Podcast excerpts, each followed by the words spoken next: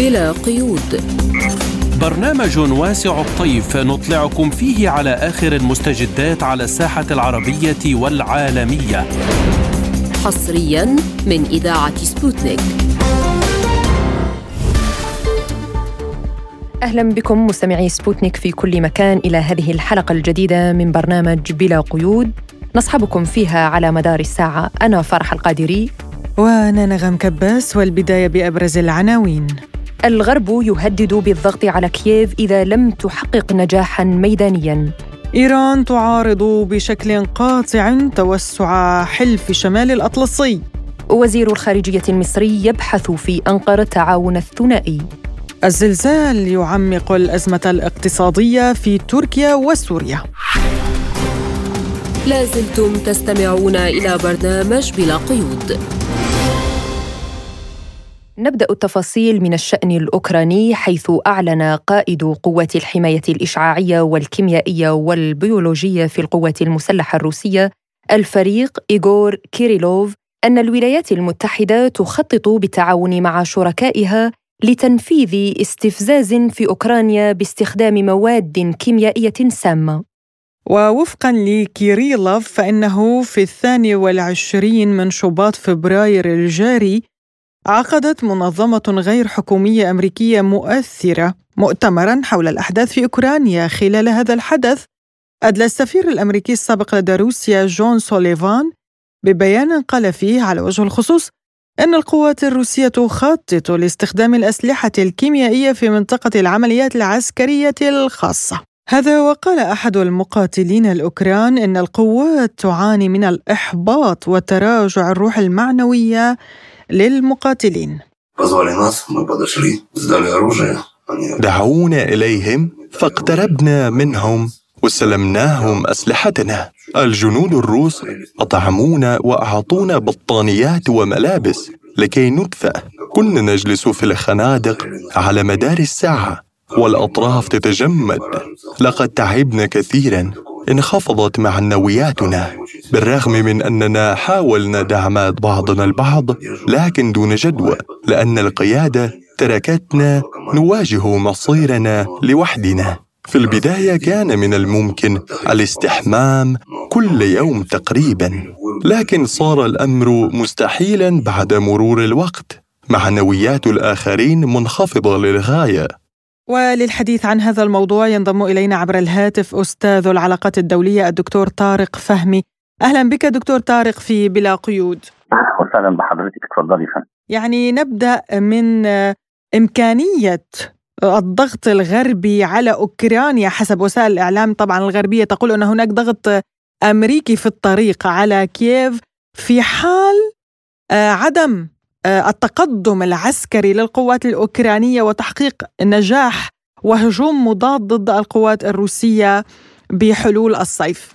هو بالتأكيد طبعا هناك محاولات أمريكية في هذا الإطار لكنها مرتبطة طبعا بالسلوك الغربي وسلوك دول حلف الناتو من جانب وأيضا الموقف الأمريكي بمعنى إنه لابد أن تكون هناك مقدمات لهذه الدعوة وطبيعه الحال هناك خطوات اجرائيه وتمهيدية للوصول إلى هذا الهدف، المشكلة الرئيسة في هذا هو تضارب وتناقض السلوك الغربي وسلوك الولايات المتحدة في التعامل مع ما يجري، هناك أطروحات عامة مرتبطة بضرورة أن يكون هناك تهدئة ويكون هناك محاولة لإثناء أوكرانيا على خطها ونهجها، لكن المشكلة الرئيسة هي مرتبطة بحالة التصعيد الغير مبررة غربيا سواء بإجراءات أو سواء بتسليح أوكرانيا وسواء بالإعلان عن خطوات مباشرة في هذا الإطار بتقودها طبعا الولايات المتحدة ومع التقدير لهذا الدعم الرمزي إلا إنه مرتبطة طبعا ب سلوك لا أقول عدائي لروسيا لكن بطبيعة الحال تصعيدي فبطبيعة الحال سيؤدي إلى موقف مقابل من جانب الروس في التعامل. وهذا الأمر هو ما يجري في مسرح العملية بصورة أو بأخرى وجزء منها مرتبط طبعا بردود الفعل. الولايات المتحدة والقوى الغربية ودول حلف الناتو يساعدوا في إطار إعادة تموضع لبعض القوات في مسارح عمليات إعادة تسليح روسيا تسليح أوكرانيا بمتطلباتها العسكرية ومؤخرا طبعا موضوع آه، مواجهة في أي مصالح أخرى مرتبطة بما يجري واليوم أيضا دكتور ظهرت مسيرات في موسكو في ضواحي موسكو. كان هناك طائرات مسيرة حاولت استهداف غاز بروم آه، بالتأكيد. فطبعا مثل هذه الأمور التصعيدية آه، ستقابل بسلوك روسي بطبيعة الحال إذا استمر هذا الأمر. الدول الناتو كما تعلمين هي تريد أن تصاعد في إطار الحفاظ على فكرة الأمن الأوروبي وحسنا فعلت روسيا حينما نقلت رسائل رمزية مهمة في جزء منها مرتبط بموضوع ال arms control أو ستارت 2 ستارت الجديده وجزء منها طبعا مرتبط بتفاعلها كرد فعل للعقوبات التي تم إقرارها مؤخرا أيضا على روسيا وبالتالي الوصول إلى نقطة توازن يتطلب آه، سلوكا منضبطا من القوى الغربية ومن الولايات المتحدة وليس مجرد آه، تحريض أوكرانيا على آه، ممارسة سلوك تصعيدي أو يعني دفعها لاتخاذ وتبني مواقف أخرى. طيب دكتور يعني لعبة غربية تقوم بها الولايات المتحدة الأمريكية آه، وذلك بتنفيذ استفزاز في أوكرانيا باستخدام مواد كيميائية سامة بالتعاون مع حلفائها بطبيعة الحال. برأيك يعني كيف سترد روسيا على هذا الاستفزاز إذا ما تم فعليا؟ يعني هو له دلالات رمزية أكثر منه دلالات واقعية على الأرض هم يدركون إنه رد الفعل الروسي قد يكون مباشرا وبالتالي جزء منه كما ذكرت استفزازي وجزء منه عدائي بمعنى هو محاولة لتخويف وتهديد الجانب الروسي وردعه أعتقد إنه سيقابل برد فعل روسي مباشر لأنه كما تعلمي هناك ضوابط للتعامل مع معاهدة منع انتشار الأسلحة الكيماوية والبيولوجية والمواد السامة والجرثوميه وغيرها واستخدامها ورغم كل هذه المعاهدات دكتور لا نرى أن المجتمع الدولي يتحرك.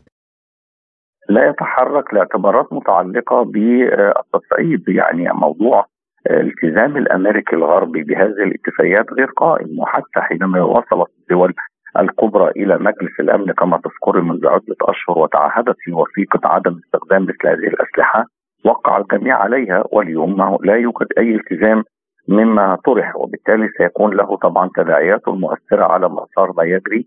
هناك استفزازات غير واضحة ومباشرة من قبل القوى الغربية للتعامل مع الحالة الروسية وبالتالي هم الذين يصعدوا الجانب الروسي رد فعل لما يجري لكن أعتقد انه الهيبة ومركز القوى الروسية سيكون له موقفا مباشر إذا تمادى الغرب والقوى الغربية في التعامل معه بهذه الصورة.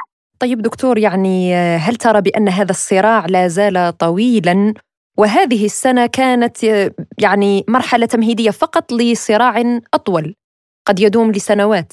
يعني أنا في تقديري في دخول العملية عامها الثاني بهذه الصورة وعدم وجود أفق سياسي للحل وعدم وجود وساطات دولية طبعا باستثناء الوسيط الصيني المؤهل بالفعل للعب دور لكن حتى الآن لم يتخذ أي إجراءات خاصة في هذا الإطار. سينفتح المشهد على سيناريوهات متعددة جزء منها هو مرتبط بطبيعة الحال بما سوف تؤدي إليه مسارات العملية. هناك توقعات غربية احتمال تذهب روسيا عملية شاملة وليست عملية محدودة. وتصعيد عمل عسكري غير مسبوق. إذا استمر الاستفزاز للجانب الروسي فأعتقد انه الجانب الروسي لديه أوراق ضاغطة وعديدة في التعامل وربما يلجأ إلى آه، التعامل. لا أريد أن أقول الخيار الصفري في مواجهة الغرب ودول حلف الناتو لكن هذا هو المتوقع في ظل ما يجري من خطوات. أعتقد إنها سيكون لها تأثير. نحن أمام سيناريو مفتوح لا يوجد إطار زمني للتأكيد على انتهاء العمليات. وقناعة القوى الغربية بعدم استفزاز روسيا أو محاصرتها وتطويقها وفرض مزيد من العقوبات عليها. كل هذه الأمور يجب أن توضع في سياقها. هل الهدف وقف العمليات أم محاولة لتركيع روسيا ومحاولة هز هيبتها الدولية؟ وأنت تذكري أن الرئيس الفرنسي آه، ماكرون طبعا حذر من قبل ماكرون من هذا الأمر من عدم إذلال روسيا أو قيادتها وإهانة المؤسسة العسكرية الروسية. هم يعلمون أنهم يتعاملون بمنطق قوة وبظل ظروف قوية يمكن أن تدفع في خيارات متعددة. طيب دكتور يعني الاستفزاز اليوم بوجود مسيرات في سماء موسكو العاصمة الروسية لأول مرة وصول مسيرات إلى العاصمة أيضا رصد دبابات اليوبارد في منطقة أرتيوموفسك أيضا لأول مرة في آه، الميدان آه، هذا الاستفزاز والتصعيد الأول من نوعه في دخول السنة الثانية للعملية العسكرية. كيف تقرأ هذا التصعيد؟ هذه إجراءات وتدابير يعني لها دلالات رمزية أكثر منها واقعية.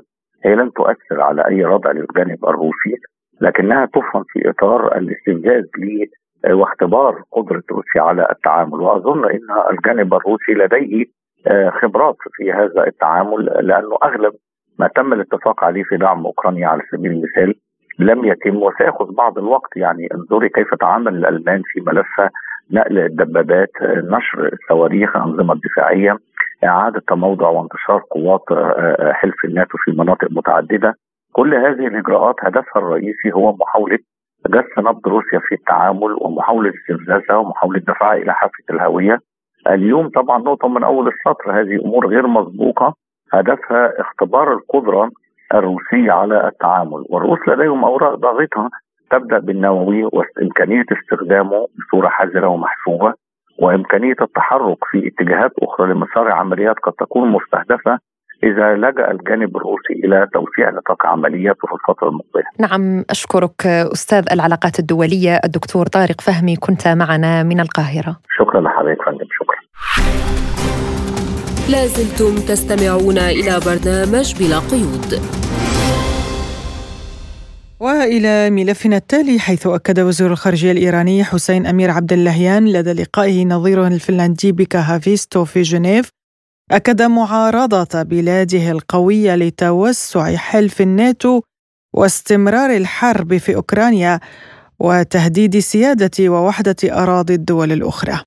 وتمحور اللقاء حول العلاقات الثنائية والإقليمية والدولية والأزمة الأوكرانية وقضية مفاوضات رفع الحظر وأشار عبد اللهيان إلى الادعاءات التي تثار حول تصدير الطائرات المسيرة الإيرانية إلى روسيا لاستخدامها في أوكرانيا وأيضا المحادثات التقنية بين الخبراء الإيرانيين والأوكرانيين حول موضوع الطائرات المسيرة.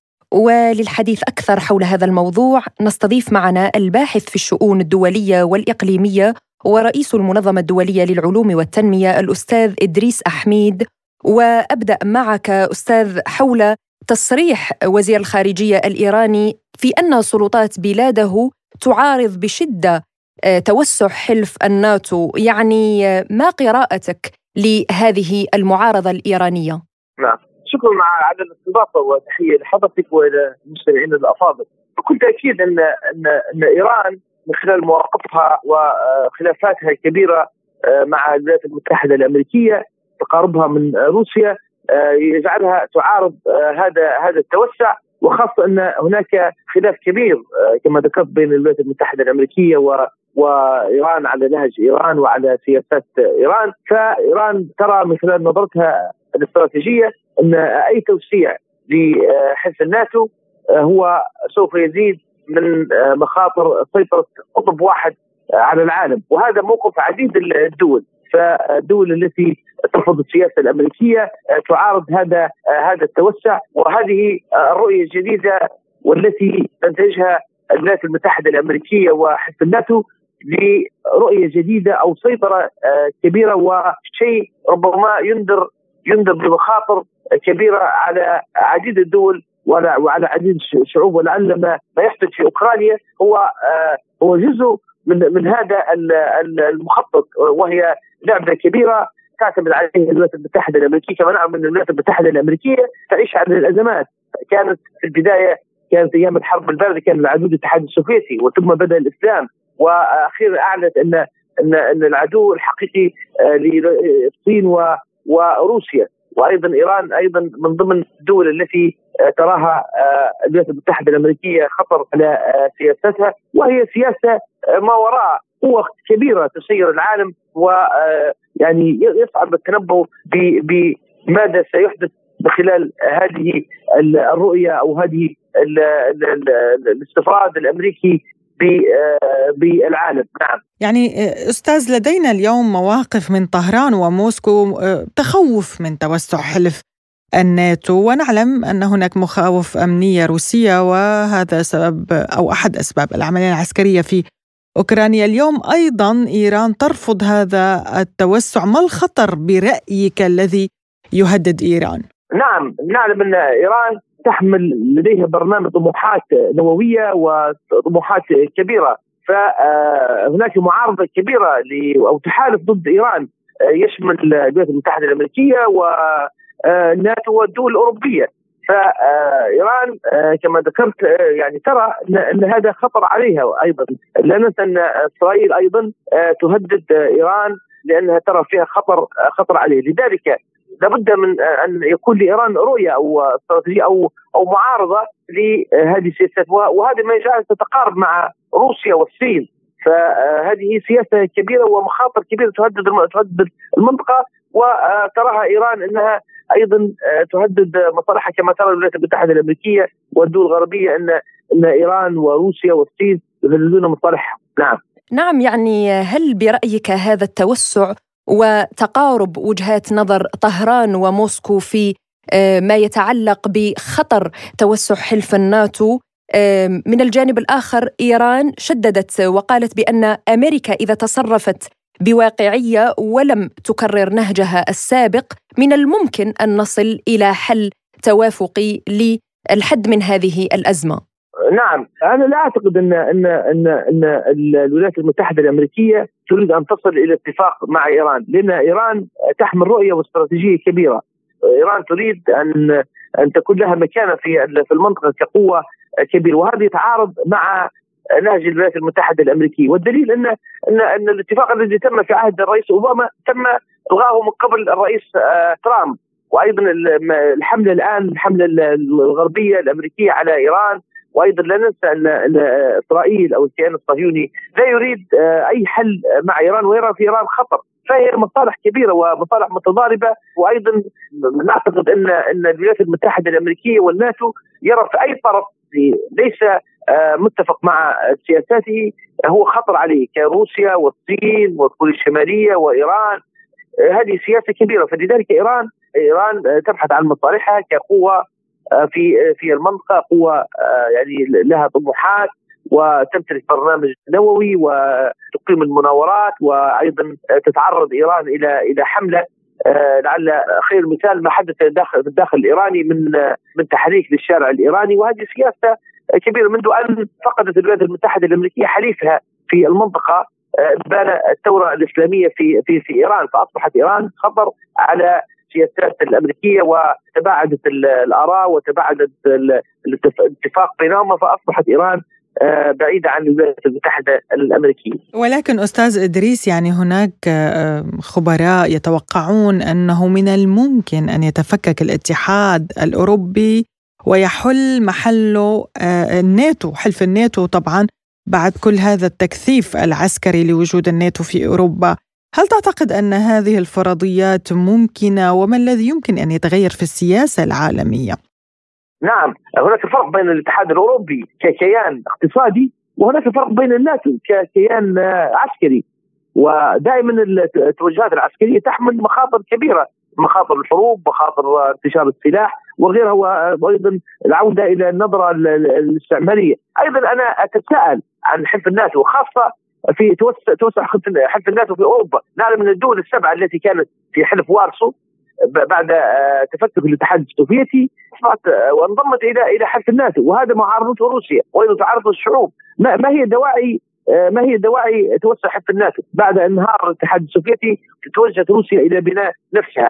يعني يعني نحن لا نعارض انضمام الدول أوروبا الشرقية السابقة إلى إلى الاتحاد الأوروبي لأنها في نطاق أوروبا. وهذا تعاون اقتصادي. ولكن توسع حلف الناتو هو بالفعل هو خطر كبير. وهذا ما يجعل النظره نظرة الدول عديد الدول إلى إلى ضروري أن يكون هناك قطب آخر لأن لأن الانفراد الولايات المتحدة الأمريكية بالمشهد السياسي والمسرح السياسي في العالم سوف يهدد مصالح الدول. أيضا آه، هناك يعني آه، نعرف أن الولايات المتحدة الأمريكية لها آراء ولها سياسات ضد الاتحاد الأوروبي. الباحث في الشؤون الدولية والإقليمية ورئيس المنظمة الدولية للعلوم والتنمية الأستاذ إدريس أحميد كنت معنا عبر الهاتف. شكرا لك على هذه المداخلة. شكرا لك شكرا. لازلتم تستمعون إلى برنامج بلا قيود. وإلى العلاقات المصرية التركية التي بدأ قطار التطبيع فيها بشكل فعلي من خلال زيارة وزير الخارجية سامح شكري إلى تركيا إذ أبلغ نظيره التركي مولود جاوش أوغلو تضامن القيادة والحكومة والشعب في مصر مع تركيا واستمرار المساعدات لدعم تركيا وشعبها الشقيق. حول هذا الموضوع قال أويتون أورهان المحلل السياسي والخبير في مركز دراسات الشرق الأوسط أورسام لي بلا قيود uzunca bir süredir zaten genelinde bir e, نشهد اليوم سلسلة من عمليات تطبيع العلاقات بين دول المنطقة. ثمة بعض الدول التي قررت تقديم تنازلات لبعضها البعض من أجل حل الأزمات والخلافات السياسية، والتي من بينها في هذه الحالة هما مصر وتركيا، غير أن هذه العملية بينهما لا تسير بشكل سلس على النقيض من دول الجوار، كما أن المصالح المشتركة في ليبيا ومنطقة الشرق المتوسط والضرورة الملحة تعزيز التعاون في المجال الاقتصادي والسياسي والعسكري دفعت الطرفين إلى اتخاذ خطوات فعالة نحو حسم الخلافات.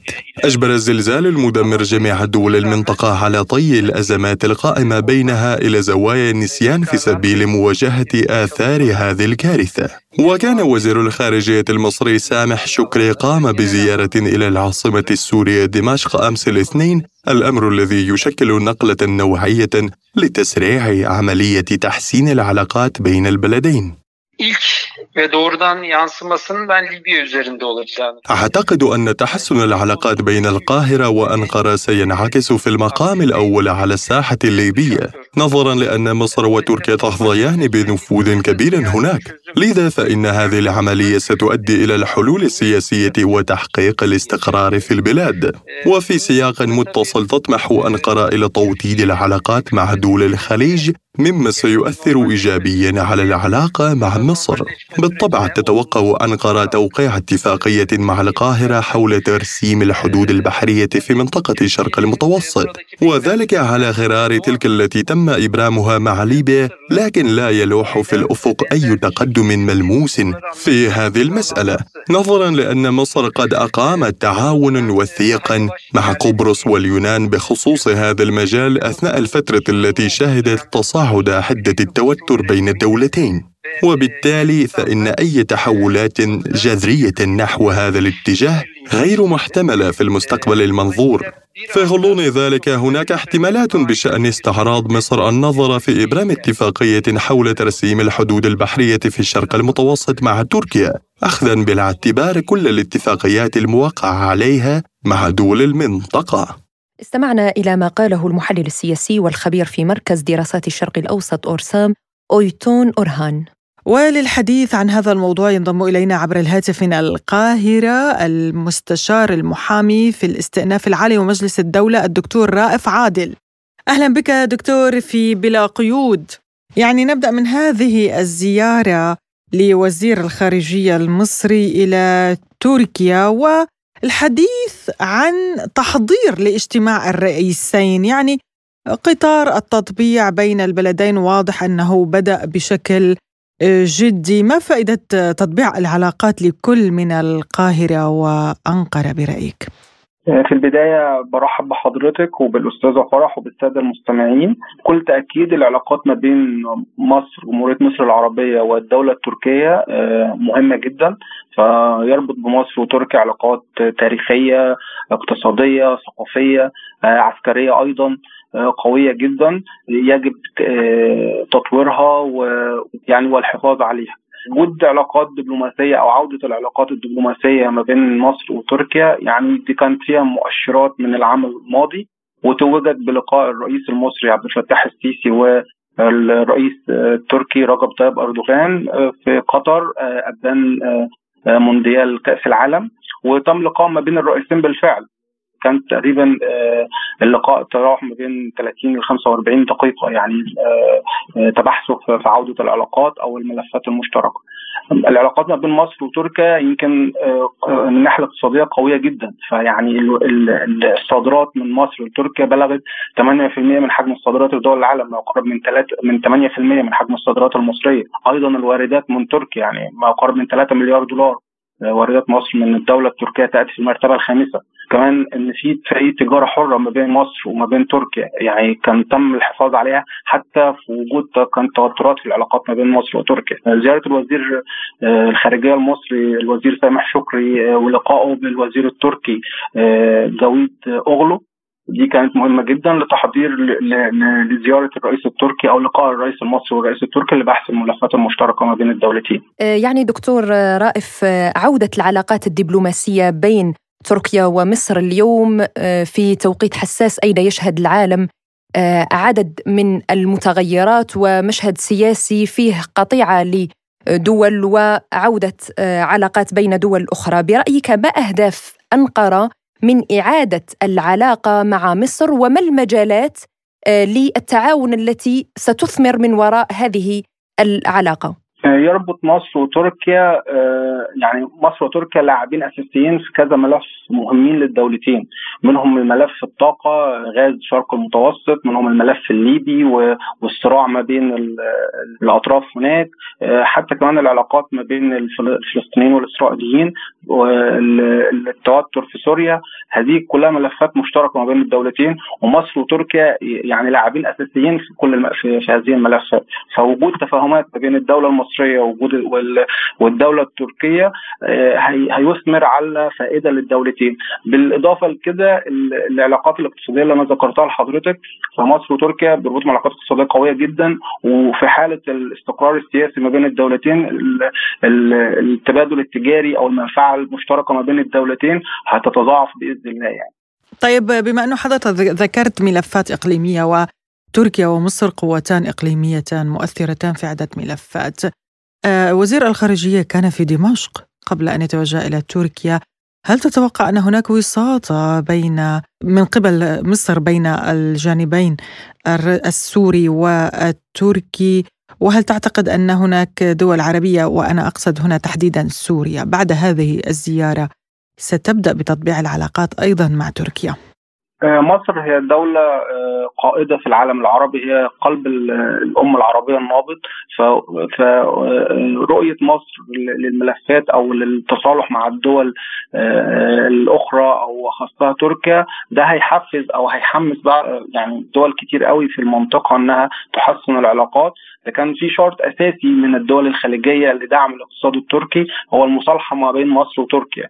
فوجود علاقات قوية أو جيدة أو تحسن العلاقات بين مصر وتركيا يعني من المحتمل أو يعني من المرجح انه يحسن العلاقات طبعا ما بين الدولة السورية وما بين الدولة التركية. وبالتأكيد يربط مصر وسوريا علاقات يعني قوية جدا آه، من الممكن يأهلهم للوساطة ما بين الدولتين ما بين سوريا وتركيا وإنهاء الصراع ما بينهم. آه، طيب يعني آه، دكتور رائف كيف ترى التعاون في مجال الطاقة تحديدا خاصة أن العالم اليوم والاقتصاد العالمي مبني على هذا المجال كيف ترى التعاون بين تركيا ومصر في هذا المجال؟ طبعا لا يخفى على أحد وجود احتياطات الغاز في منطقة شرق المتوسط وما بين في المياه الإقليمية أو المياه اللي بيسموها الاقتصادية للدول في شرق المتوسط تركيا، مصر، قبرص، إسرائيل، فلسطين، لبنان.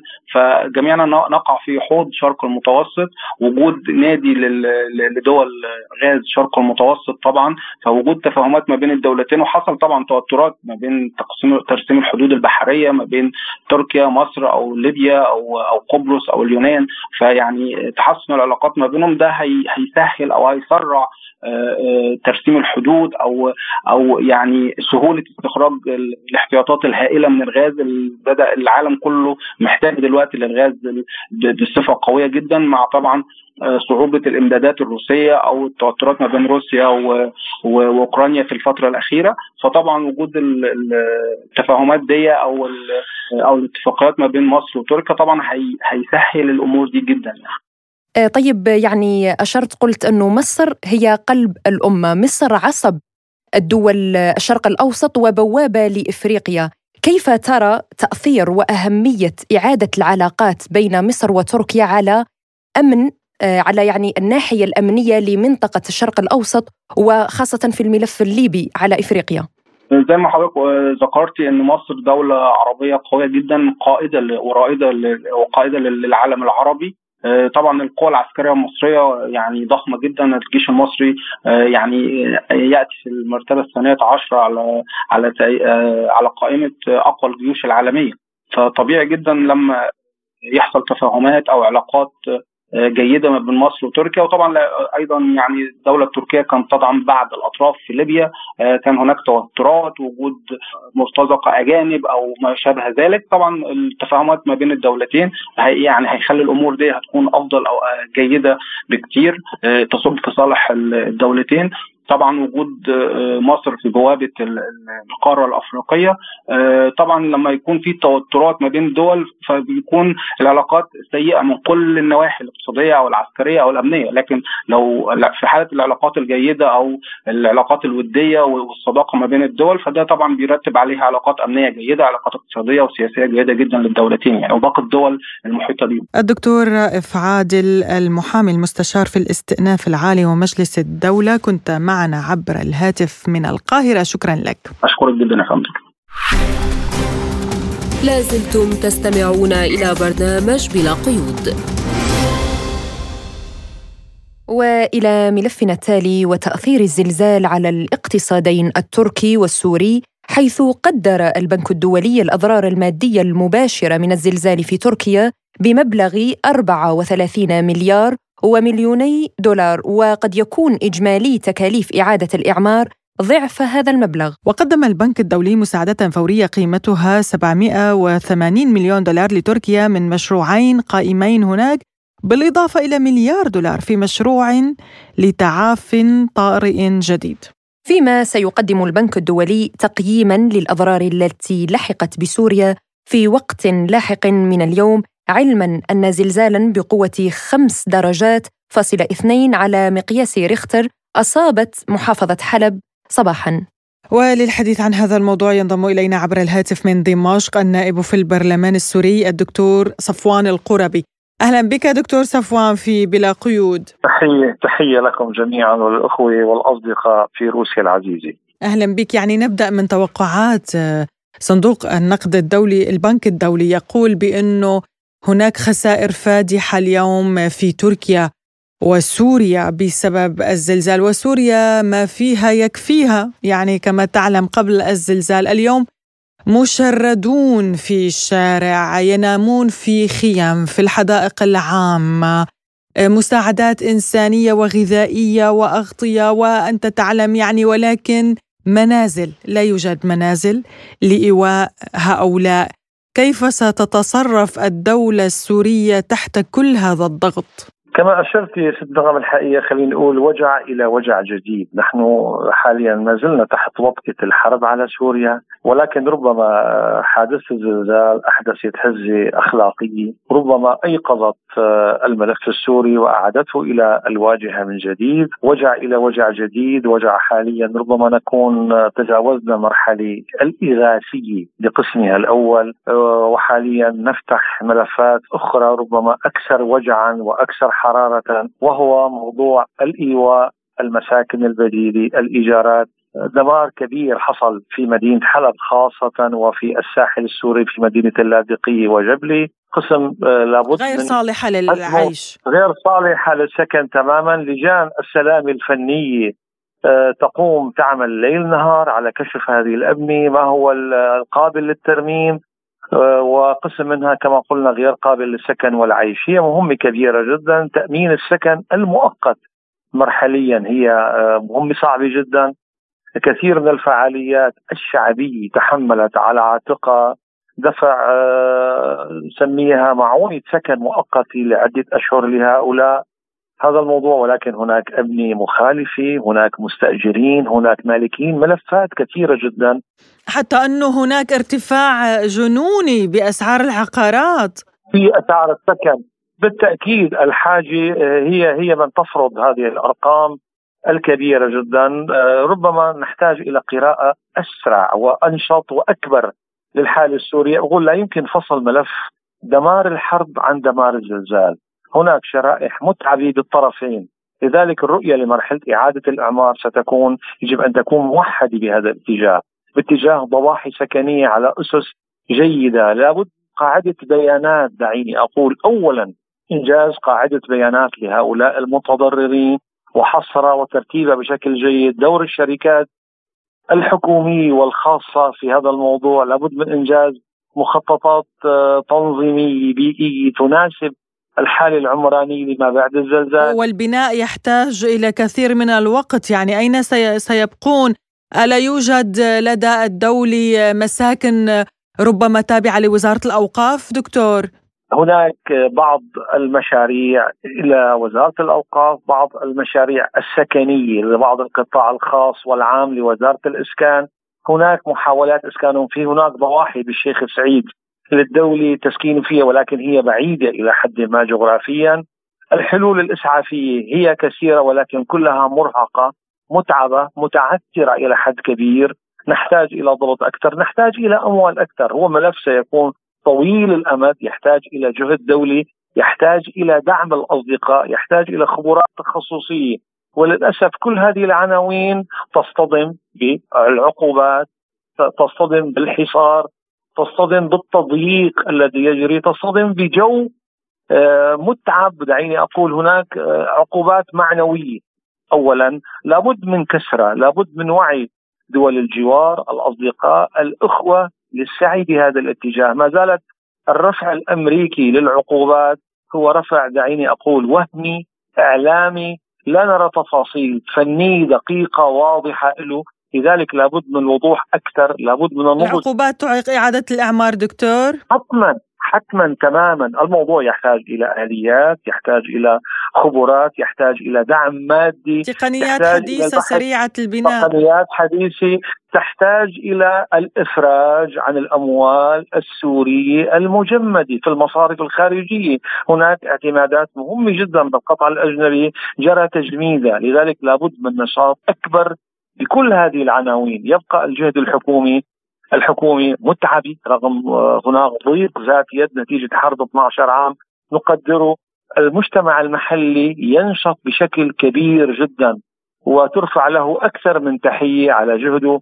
حالة النبل، حالة الهب، غرف التجارة، غرف الصناعة، النقابات، الكل يعمل بهذا الاتجاه، لابد أيضا هذا العمل من تأطيره. نعم يعني تكاثف الجهود، عفوا هنا يعني دعني أسألك عن آه، إمكانية وجود آه، خطة آه، سريعة واستراتيجية لتأمين سكنات للمتضررين لا سيما والوضع الاقتصادي الحرج التي الذي تعيشه البلاد. و12 عاما من الحرب تلتها هذه الكارثة التي لم تحسب يعني لم يحسب لها حساب برأيك يعني كيف يمكن أن تؤمن الدولة سكنات للمتضررين خلال هذه الفترة؟ ربما التعويض المادي هو حاليا الأسهل دعيني أقول، هناك بعض الجهات المحلية بالذات أنا هون مشير بغرفه الصناعه بحلب بالتحيه ولا غرف التجارة التي نشطت حاليا تقدم مساعدة فورية، خلينا نسميها مساعدة سكن إغاثية فورية بعدة ملايين 2 مليون ليرة سوري دفعة أولية وهناك تعهد زيادة هذا الرقم ليشمل إسكان بدل إيجار سكن لمدة عام كامل. ولكن برجع بقول نحتاج إلى جهد أشمل أعم إلى خارطة طريق واضحة للسكن البديل وللتعويض النهائي عن السكن الذين تدمرت بيوتهم. في النهاية هناك ضيق ذات يد حكومية نتفهمه لابد من تأطير هذه الجهود الداخلية والخارجية. وأتمنى أن أرى يعني نحن نحتاج إلى شركات متخصصة في البناء السريع. نحتاج إلى خبرات نوعية. نتطلع إلى روسيا نتطلع إلى الصين إلى الأصدقاء بإيران. لهم عندهم خبرات فنية وشركات متخصصة بهذا الاتجاه. أتمنى أن أرى جهد في التواصل ما بين الدولة السورية وهذه الدول وشركات القطاع الخاص المتواجدة فيها لتقديم خبراتها ولتقديم وعلى أن يكون هذا الأمر بسرعة نتوقع ونريده. بعيدا عن البيروقراطية وعن المراسلات وعن يعني إجراءات ربما نعتاد عليها أنها بطيئة الإيقاع. لذلك أتمنى أن تكون هذه الكارثة هي مقدمة لهب ونشاط إداري حكومي ونشاط أصدقاء يلحظون هذه المشكلة ويضعون أطر تنفيذية سريعة لها مريحة تخفف الوجع تخفف التعب المتواصل المستمر تحت أكثر من عنوان خاصة في الشمال السوري وفي حلب وفي اللاذقي وجبلي خصوصا. طيب دكتور يعني بعيدا عن المساعدات الدولية التي وصلت آه، الغذائية وغيرها آه، الدولة السورية المنهكة طبعا من الحرب ونحن نقدر هذا الأمر ولكن هل مثلا آه، استصدرت بطاقات لاستخدام المواصلات العامة مجانا للمتضررين مثلا الحصول على تخفيضات سكن للمتضررين على الأقل كي لا يتم استغلالهم من قبل الذي يؤجر لهم المنزل يعني أنا متضرر خرجت من منزلي من منزلي فقط في الحي... بيجامه النوم بتعرف أربعة الصبح الزلزال. فرايح استأجر ما معي حتى هوية. هوية شخصية صحيح. لا يوجد. تماما تماما تماما. هناك صحيح. نحتاج إلى ديناميكية أكثر. فقدوا أوراقهم الثبوتية حتى حاليا مطلوب بعض الوثائق. لذلك أقول الجهد الحكومي حاليا ما زال ينشط ولكن ببطء. من يرمم؟ من يقوم بالحقيقة بالعبء الأكبر؟ دعيني أقول مؤسسات المجتمع الأهلي والمجتمع المدني. هناك حتى مؤسسات صحية مؤسسة العرين جريح وطن. السوري الأمان السوري. الكل يعمل ولكن نتمنى أن أرى تنسيق أكبر. يضبط إيقاع الجميع بطريقة ما هل يوجد مشروع قرار قدمتوه في مجلس الشعب؟ حاليا ربما نحن ننتظر مناقشة الخطة الوطنية لما بعد الزلزال، الحكومة تقول أنها أنجزت حاليا خطة وطنية للتعامل مع الواقع ما بعد الزلزال. نتوقع أن نناقشها بكل جدية وبكل جرأة وبكل مسؤولية مع تقديرنا لحراجة الموقف دعيني أقول. لسنا في وضع طبيعي نحن بوضع متعب بكل العناوين. لذلك برجع بأكد على هبة الأصدقاء هبة الأخوة العرب عموما للمساعدة بكل هذه العناوين بعيد عن اللقطة الإغاثية. اللقطة الإغاثية الاولي برأيي أنجزت بشكل جيد وبشكل معقول ومقبول. نحتاج إلى خطط ما بعد ذلك. لبناء ضواحي سكنية على أسس عصرية حديثة وخاصة أن هناك مناطق ربما كانت مخالفات متعثرة. هناك مخالفات بناء كانت كثيرة في بعض الضواحي تحت عناوين آه، عناوين بناء بني على عجل بني بدون أصول فنية وهو الذي تدمر باللحظات الأولى مخالفات غير قانونية صحيح غير صحيح تماما. لذلك يعني ونتمنى أن يحاسب المسؤول دكتور. صحيح. صحيح. هلا هامش المحاسبة بهذا الوقت الصعب آه، دعيني أقول هامشه متواضع. في الكوارث الكبرى أحيانا تضيع آه، المحاسبة. ربما بحالات فردية سقوط بناء هنا هناك يكون محاسبة شديدة جدا. ولا ولكن أمام تعميم الكارثة تكون هامش المحاسبة أقل ويكون الهروب من العدالة سيد الموقف. لذلك برجع بأكد على أنه نحتاج إلى استراتيجيه أوضح إلى خريطة طريق أوضح من ذلك بكثير وتبقى بناء البيانات وقاعدة المعلومات هي المقدمة لهكذا إجراء نحتاج إلى تضافر جهود الجميع في الداخل اولا قبل الخارج لوصول مقاربات تخفف تعب تخفف جراح تخفف أوجاع للذين تدمرت بيوتهم وخرجوا كما قلت بثيابهم على عجل تحت تحت الليل وتحت آثار الدمار. آه، طيب يعني آه، تقديراتكم آه، سوريا كم هي بحاجة يعني كمبلغ لإعادة إعمار المساكن المتضررة وتقديم هذه السكنات إلى المتضررين تقريبيا إذا كان هناك رقم؟ لا لا أظن أن هناك إلى الآن وصلنا إلى مسح كامل، إلى الآن ما زالت اللجان تمنع. تعمل على إجراء المسح الكامل، واظن نحتاج إلى بعض الوقت، ربما في الحالة التركية كان هناك تقديرات للبنك الدولي، أظن بالحالة السورية لم نصل 34 مليار في تركيا. تمام. 34 مليار 34 دولار. 34 مليار وأظن الرقم أكبر من ذلك حتى في تركيا. تحتاج إلى زمن رغم إمكانيات تركيا. نحن في الحقيقة هناك خلط ما بين آه، وجع الحرب ودمار الحرب ودمار ما بعد الزلزال.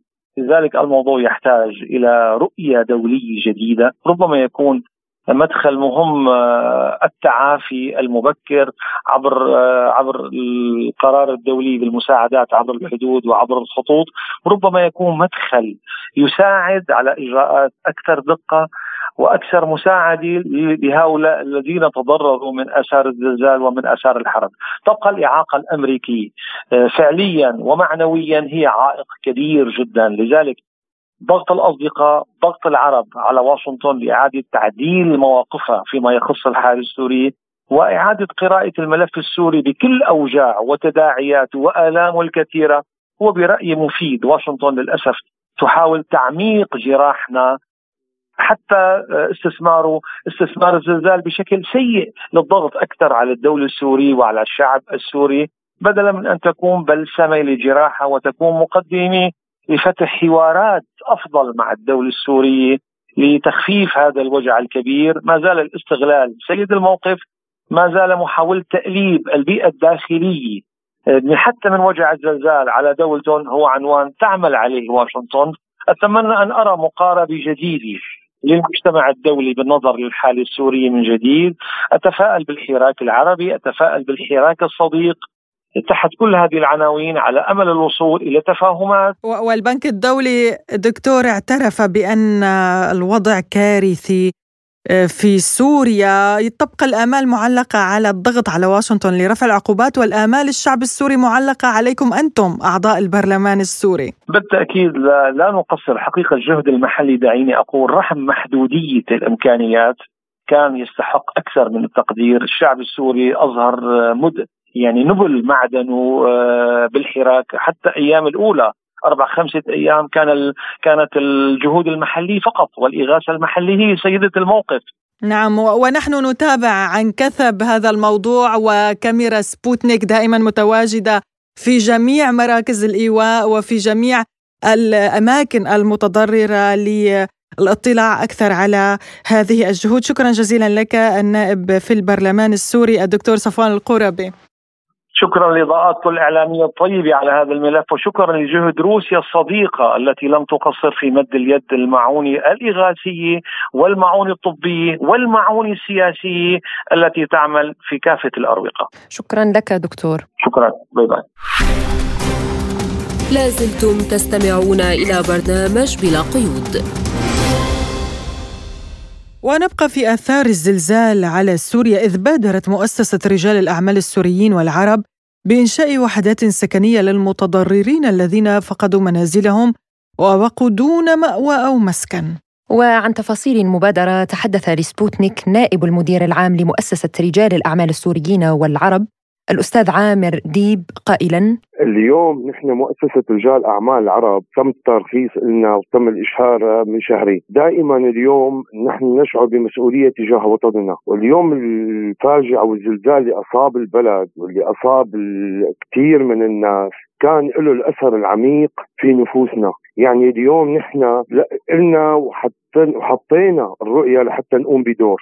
تم تكليفنا بشكل رسمي بملف آه، ترميم منازل المتضررين من الزلزال وبناء مساكن لهم. طبعا هذا العمل ما رح يكون عبارة عن مجرد عمل طوعي أو خيري أو أي كي عمل لأنه الأزمة اليوم أو الزلزال اللي صار هو لم يكن أزمة وعدت. نحن عم نعيشه وعم نعيش تبعاته وتبعاته تمتد لسنين. وبتعرفي نحن في سوريا مو متعودين على هيك موضوع. يعني سوريا ما أجاها زلازل بعمرها والإمكانات المتاحة غير مهيئة اليوم لمواجهة هذا الموضوع. بعد الزلزال اليوم نحن درسنا مع الجهات الرسمية التحضير لإطلاق مبادرة لترميم المنازل واسكان المتضررين من الزلزال بالتعاون مع الجهات الرسمية، طبعا المبادرة يتم التحضير لها، ليش؟ دائما أي عمل أو أي مبادرة يتم إطلاقه لازم يكون في له إدارة ولازم يكون في له مراحل، وهي المبادرة تتم لمراحل، طبعا سوف يتم إطلاق المبادرة عن طريق صندوق دعم قدم الدعم أو يقدم المبالغ التي ترصد لهذا الصندوق لترميم المنازل أو لإعادة بنائها، إضافة إلى تشكيلنا لفرق طوعية بالتعاون مع نقابة المهندسين للكشف على المنازل أو اعتماد تقرير من نقابة المهندسين أو البلديات في المدن المنكوبة، طبعا يتقدم هذا الصندوق في عملين، العمل الأول في عندك التقدم المادي أو الدعم المادي لهذا الصندوق أو الدعم العيني، كيف الدعم العيني؟ من خلال شركات سواء كانت سورية قطاع خاص أو قطاع عام أو في الوطن العربي. من خلال تقديم مثلا تيجي تيجي الشركات تقدم أنا بدي أرمم اليوم 100 بيت على حسابي الشخصي. بدي ابني 50 بيت على حسابي الشخصي. هذا بيتم بكتاب رسمي موجه للمؤسسة ضمن هالمبادرة ونحن بنحطه بهذا الصندوق كتقديم عيني بتنفذ من خلال مهندسين وآلية معتمدة بيننا كمؤسسة مع الجهات الرسمية ومع الداعمين لهي المبادره، طبعا اليوم نحن عم نشتغل على المبادرة مثل ما قلت لك ضمن خطة تنمويه اقتصادية، آه العمل إنه يكون المعالجة على المدى الطويل والم... يعني المدى القصير والمدى الطويل لحتى نطلع من آثار الزلزال، ما بقول لك نحن الحل الكامل لأنه هذا اليوم مثل ما قلت لك الضرر كبير جدا، لكن سنكون ونسعى نكون جزء من من الحل ونخفف على أبناء وطننا بهي الفاجعه وهذا الزلزال اللي اصاب سوريا واللي أدى مثل ما تفضلتي لكثير عالم خسرت بيوتها. وكثير عالم بالشوارع قاعدة، طبعا اليوم ما بنغفل جهد الهيئات الإغاثية والمؤسسات الإغاثية وهال مثل ما بيقولوا هالفزعات اللي طلعت من أبناء هالبلد ليوقفوا جنب بعض. هذا عمل لوحة رائعة في التضامن الوطني إضافة للدعم المقدم من الدول العربية الإمارات والعراق والجزائر وغيرها وروسيا والصين وإيران. يعني اليوم كان هذا الكل اليوم كان عمل لوحة في التضامن والمحبة مع سوريا. فاليوم بإذن الله عم يتم التحضير لها عم نهيئ لكثير أمور هلأ. ما بدي آه، مثل ما بيقولوا احكي كل شيء لكن اليوم آه، يعني بدنا إن شاء الله نعمل شيء مختلف. آه، نعمل خطه كثير مهمة وتكون باكورة لانطلاق مجموعة من الأعمال لمعالجه هي الأضرار بإذن الله بالتعاون مع الجهات الرسمية. وبدي أحكي شغلة مشان مؤسسه رجال الأعمال العرب. آه، اليوم نحن رح يتم طرح كمان مشاريع عن طريق المؤسسة خاصة بالمنتسبين بالمؤسسة ورح نكون موجودين بعدة جهات رسمية بالقطاعات الاقتصادية. وعم نرسم هلا رؤية بعده قطاع بالقطاع الاقتصادي تمكين التعليم والتمكين الرياضي وعدة قطاعات عم نشتغل عليها إن شاء الله يعني اليوم نحن أمام مسؤولية كبيرة يجب أن نكون على قدر من هالمسؤولية هي بإذن الله. استمعنا إلى تعليق نائب مدير مؤسسة رجال الأعمال السوريين والعرب الأستاذ عامر ديب. لازلتم تستمعون إلى برنامج بلا قيود. ولدينا أيضا في بلا قيود استقبال أمير قطر الشيخ تميم بن حمد آل ثاني في مكتبه في الديوان الأميري مصطفى مدبولي رئيس مجلس الوزراء في جمهورية مصر العربية والوفد المرافق بمناسبة زيارته للبلاد. وشهد اللقاء استعراض علاقات التعاون بين البلدين الشقيقين وأوجه تنميتها وتعزيزها إضافة إلى أبرز المستجدات على الساحتين الإقليمية والدولية ذات الاهتمام المشترك فبعد سنوات من الخلاف بين البلدين ماذا تحمل هذه الزيارة في طياتها من تعاون وشراكات وفائدة اقتصادية للبلدين. وللحديث أكثر حول هذا الموضوع نستضيف معنا عضو المجلس المصري للشؤون الخارجية ومساعد وزير الخارجية الأسبق السيد رخا حسن شكرا لك لتواجدك اليوم معنا آه، سيدي الكريم و أهلا بك والساده المشاهدين. آه، أبدأ معك من هذه الزيارة بين الجانبين المصري والقطري. يعني آه، توقيت هذه الزيارة ما دلالتها برأيك؟ وما الأهداف التي سيجنيها البلدين إن كان لمصر وقطر وحتى على الإقليم العام للمنطقة؟ ابتداء أود أن أشير إلى أن رغم كان خطر يعني أو توقف العلاقات السياسية بين البلدين إلا أن العلاقات الاقتصادية والتجارية ووجود الجالية المصرية في قطر والجالية القطرية في مصر لم يعني تتأثر بهذا. وظلت العلاقات قائمة. حتى في ظل هذا قطع العلاقات تم افتتاح بعض المشروعات القطرية في مصر. فدي كانت سحابة صيف. والحمد لله انتهت. الآن بتعود العلاقات إلى مجراها الطبيعي. في ظل الرغبة من الطرفين من قطر ومصر في تعظيم وزيادة الاستثمارات المشتركة. قطر لها استثمارات في مصر وتريد أن تدخل في استثمارات جديدة. ومن ثم فرئيس الوزراء المصري ومعه وفد كبير من الاقتصاديين والتجاريين والصناعيين بيبحث مع الجانب القطري المشروعات التي يمكن أن تدخل فيها قطر طرفا مستثمرا مع الجانب المصري. اليوم نرى أن هناك تقارب قطري مصري ما الدور الذي يمكن أن تلعبه قطر في حل الملفات العالقة في المنطقة بعد هذا التقارب مع مصر؟ يعني هو في أسباب موضوعية حدثت في المنطقة في السنوات أو الأربع سنوات الأخيرة إن تم في تراجع للإسلام المتطرف والأعمال الإرهابية بصفة عامة. في نقدر نقول تراجع أيضا للتيار الإسلامي بالنسبة لعدد من الحكومات في المنطقة. فبالتالي هنا حصل تغير تغير نوعي. فأصبح المصالح المشتركة والتحديات التي تواجه الدول العربية آه، دعت إلى أن يبقى في جهود مشتركة. آه، أصبح الآن آه، قطر كل دولة قطر مصر السعودية الإمارات البحرين كل دولة تقوم بدورها بما هو متاح لديها من إمكانيات. يعني المشهد السياسي في العالم كما ترون يتغير والصراع بين الدول يحتم على دول أخرى إيجاد منفذ ومخرج من تداعيات الأزمة الاقتصادية والسياسية. خاصة نحن نتحدث عن أزمة عالقة اليوم الروسية الأوكرانية. برأيك يعني عودة العلاقة بين قطر ومصر وهذه هي الزيارة الأولى بعد القطيعة ما الهدف منها برأيك؟ يعني ما أقدرش أقول يعني أكثر نفوذا وسيطرة وإنما آه، قطر يعني لديها هي دولة آه، عدد سكانها آه، محدود نسبيا مقارنة بمصر أو بدول عربية أخرى. لديها فائض كبير من آه، رؤوس الأموال ولديها خبرة في استثمار آه، هذه الأموال. فبالتالي هي بتسعى إلى أن يكون لها ميزة نسبية. يعني دول كل دولة بتستخدم ما لديها من إمكانيات لتوفير ميزة نسبية تخدم سياستها ومصالحها. نعم. فهي ليس لديها مجال داخلي للتوسع في الاستثمارات سواء لضيق المساحة أو آه، الإمكانيات البشرية، فبالتالي هي بتخرج إلى الخارج بتستثمر في تركيا في مصر في آه، المغرب في الجزائر في في العديد من الدول لأن لديها فائض كبير نتيجة إنتاج الغاز. يعني هي من تقريبا ثاني دولة مصدرة للغاز المسيب في العالم. فبالتالي هنا في آه، الميزة النسبية اللي بتتمتع بها بتديها حركة واسعة. ولكن في إطار عربي يعني لأن في أوزان آه، للدول في المنطقة العربية كل دولة لها دور حسب ما لديها من تميز نسبي. يعني نعلم بأن مصر بوابة لأفريقيا وللشرق الأوسط وأيضا قطر تلعب دورا اساسيا في عدة ملفات بالمنطقة، اليوم مصر بحاجة ماسة لدعم اقتصادها تمر بأزمات اقتصادية تم بحث العلاقات الاقتصادية مع الأمير القطري.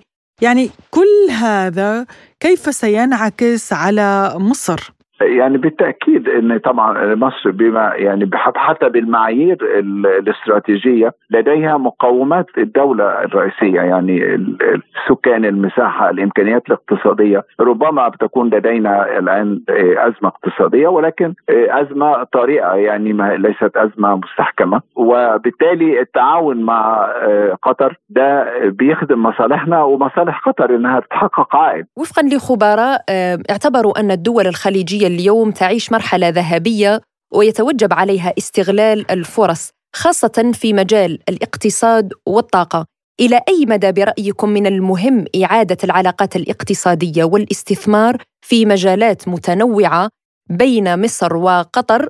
لأهميتها لكلا البلدين؟ يعني بالتأكيد طبعا يعني هو التوسع في المجال الاقتصادي. هو كان ثبت أو يعني تجمد على ما هو عليه لم ينقطع. يعني لأن قطر لها استثمارات في مصر سابقة على قطع العلاقات السياسية. آه، ولكن آه، الآن بيتم الإضافة إليها، الإضافة إليها بالاستثمارات ما سيسفر عن زيارة رئيس الوزراء من اتفاقات آه، بشأن الاستثمارات سواء في صندوق السيادي أو في المشروعات المشتركة أو في القطاع الخاص أو في المشروعات الجديدة اللي بتقام في مصر. فده كما تكرمت وذكرتي لصالح الدولتين. يعني بيبقى لأن التجارة هي أو الاستثمار آه، بيبقى ده عامل مشترك يعني بيجمع بين مصالح مشتركة لكلا الطرفين اللي داخلين في هذا الاستثمار. عضو مجلس المصري للشؤون الخارجية ومساعد وزير الخارجية الأسبق السيد رخا حسن كنت معنا عبر الهاتف شكرا جزيلا لك. شكرا لك. وبهذا الملف نصل وإياكم مستمعينا الكرام إلى ختام حلقة اليوم من برنامج بلا قيود قدمناه لكم من استديوهاتنا في موسكو أنا فرح القادري. وأنا نغم كباس إلى اللقاء. إلى اللقاء.